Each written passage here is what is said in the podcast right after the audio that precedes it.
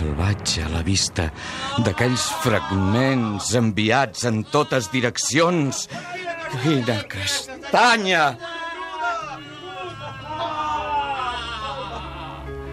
I va ser aleshores que vaig tenir aquell somni estrany amb els ulls ben oberts i ben despert. De sobte, tot va desaparèixer. El pont volant, els soldats que m'envoltaven com glaçats d'admiració, l'estepa interminable, el sol ponent. Jo no veia més que la cara del doctor Gallifa, com si hagués omplert tot l'horitzó. I el seu somriure era de reproig.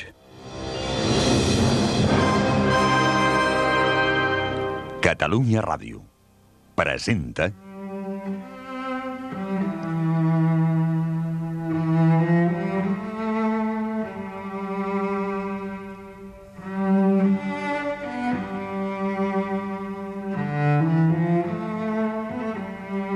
Incerta Glòria, de Joan Sales, en una adaptació lliure per la ràdio d'Oleguer Sarsenedes. Muntatge Ramon Albero. Direcció Juan Germán Schroeder.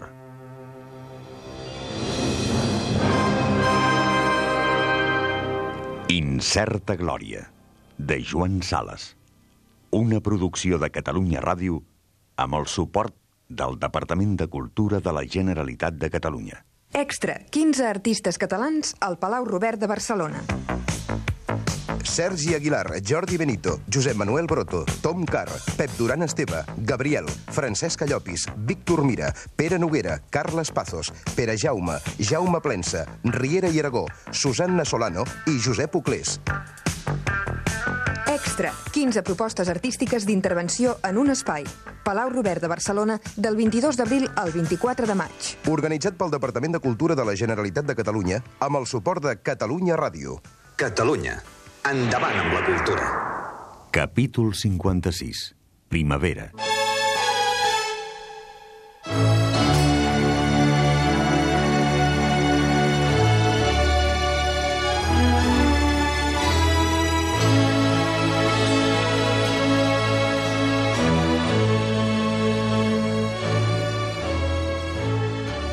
Un vespre, a l'hora d'un altre d'aquells gloriosos cap al Tarts, a l'estepa sense fi, vam descobrir al llum una coma frondosa, un oasi en el desert.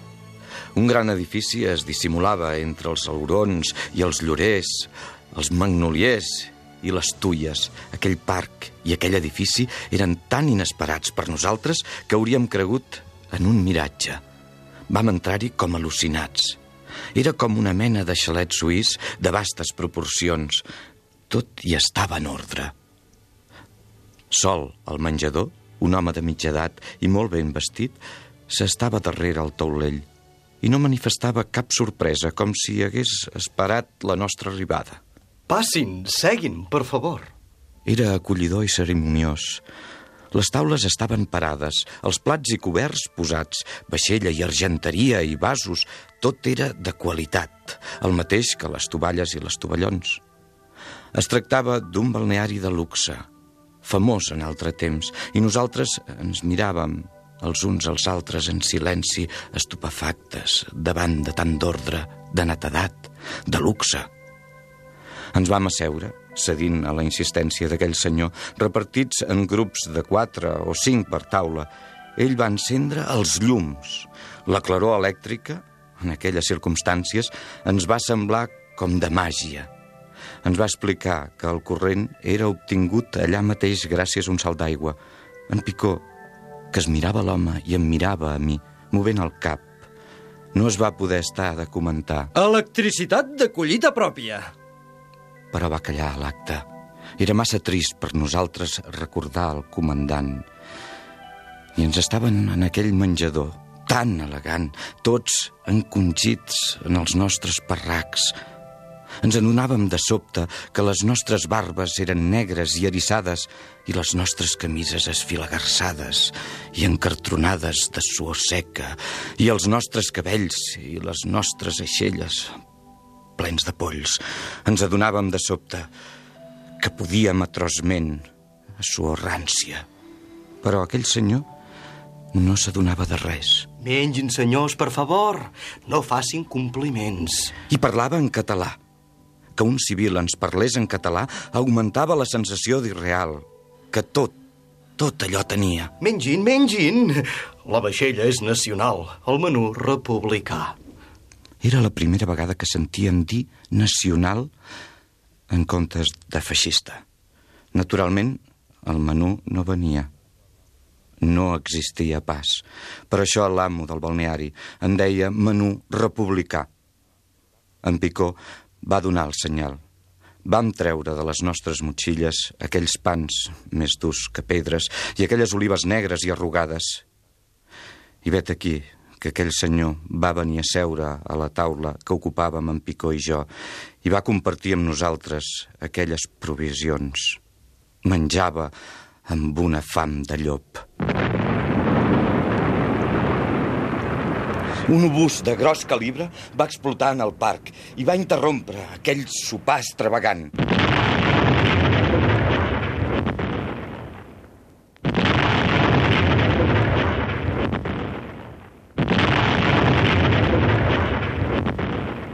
Quatre. Una bateria completa del 15 i mig. Apagui els llums, per favor. Jo, sap vostè, no tinc res a temer. L'home ens somreia amb un somriure inefable, com si es trobés davant d'uns clients habituals del balneari. Nosaltres ens posàvem de pressa les motxilles abans no caigués la segona andanada de quatre obusos que tenien probabilitats d'encertar de ple al xalet. Vingui amb nosaltres. Però ell s'estava dret a l'entrada del menjador, tota il·luminada damunt l'escalinata de tres graons que donava al parc. Vagin, vagin, senyors. No facin compliments. No facin compliments, senyors. En Picó em mirava perplex mentre...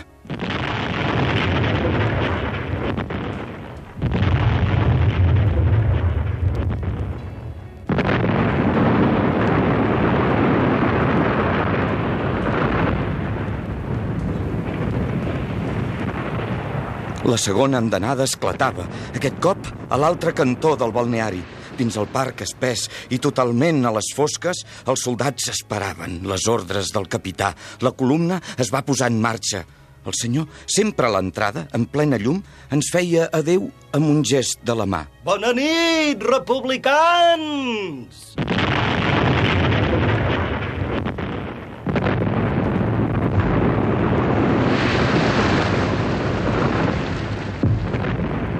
La tercera andanada va caure de ple damunt l'establiment i va fer saltar pels aires vidres, teules, envans... L'electricitat eh, seguia encesa, malgrat tot, i nosaltres ens afanyàvem a posar espai entre el xalet i nosaltres. Encara vam sentir la veu de l'home que ens cridava alegrement. No passeu quimera per mi, que sóc dels seus i no dels vostres. A mi no em volen cap mal.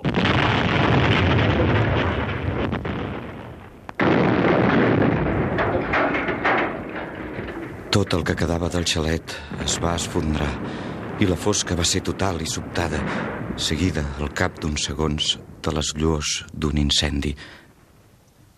Tot això anava quedant ràpidament endarrere. Es trobàvem altra vegada enmig de l'estepa pelada. Era una nit sense lluna. El balneari i el seu amo havien estat oblidats de pressa.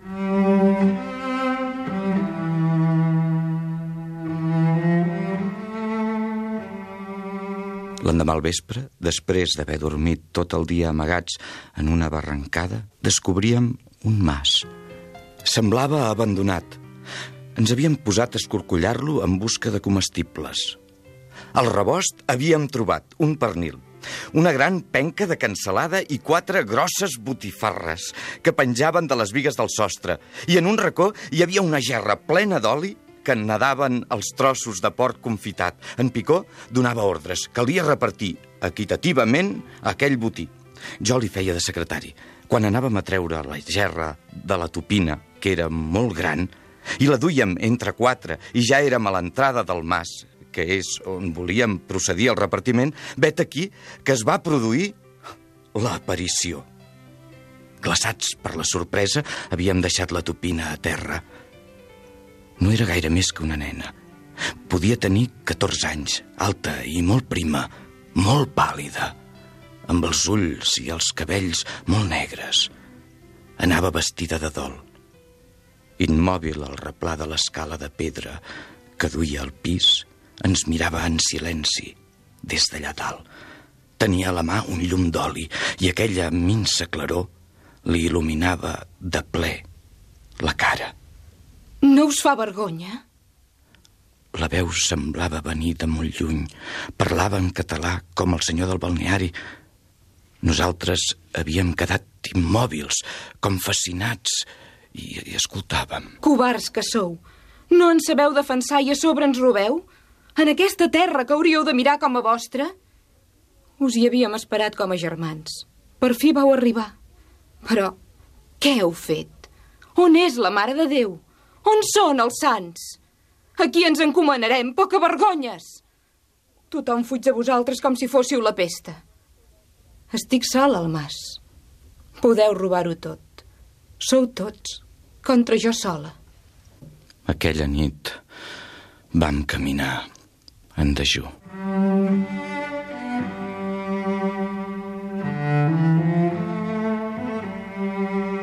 Poc abans de clarejar arribàvem a un riu, més gran que cap dels que havien passat fins aleshores. Era el Cinca. En Picó no va voler remuntar-lo en busca de pont. Perquè ara hem d'evitar els ponts i les carreteres més que mai.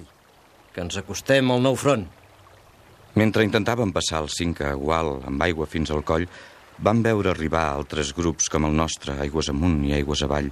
Petits grups, esgarriats, que confluïen sobre aquells pocs quilòmetres on el riu era passable. La vista d'altres forces catalanes després de tantes jornades ens va reanimar. Ja no érem sols al món. És allà, passant el Cinca, on vam trobar per fi forces atrinxerades. Allà, damunt aquella riba alta i escarpada, hi havien improvisat unes estacades i alguns nius de metralladores per impedir el pas d'aquell gual a l'enemic. Era la primera línia de trinxeres que veiem després de tres setmanes de desbandada. Ens van dir que darrere d'aquella línia el nostre exèrcit començava a reagrupar-se, a refer-se, a preparar la contraofensiva. Vèiem una vila molt gran damunt un turó a cosa de 3 quilòmetres cap a rereguarda, en direcció a llevant.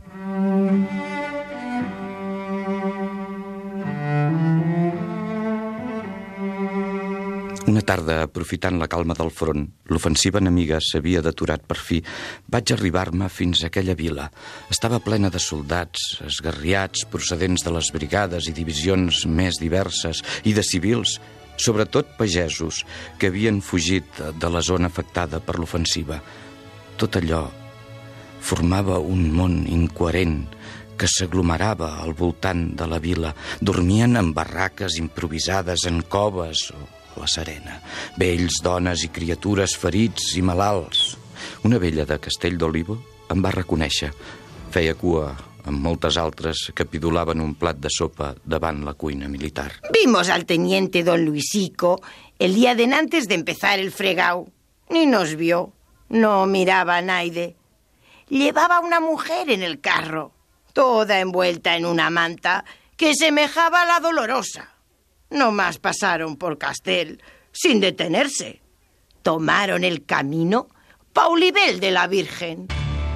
Olivell havia caigut el primer dia de l'ofensiva, poques hores després d'haver començat. No hi havia hagut resistència. O apenes. Heu escoltat el capítol 56 d'Incerta Glòria, de Joan Sales, amb les veus de... Cruells, Enric Major. Amo, Joan Canadell. Picó, Enric Cosí. Noia, Victòria Sans. Dona, Anna Frigola. Incerta Glòria, de Joan Sales, una producció de Catalunya Ràdio. Amb el suport del Departament de Cultura de la Generalitat de Catalunya. Extra, 15 artistes catalans al Palau Robert de Barcelona. Sergi Aguilar, Jordi Benito, Josep Manuel Broto, Tom Carr, Pep Duran Esteve, Gabriel, Francesc Llopis, Víctor Mira, Pere Noguera, Carles Pazos, Pere Jaume, Jaume Plensa, Riera i Aragó, Susanna Solano i Josep Uclés. Extra, 15 propostes artístiques d'intervenció en un espai. Palau Robert de Barcelona, del 22 d'abril al 24 de maig. Organitzat pel Departament de Cultura de la Generalitat de Catalunya amb el suport de Catalunya Ràdio. Catalunya. Endavant amb la cultura.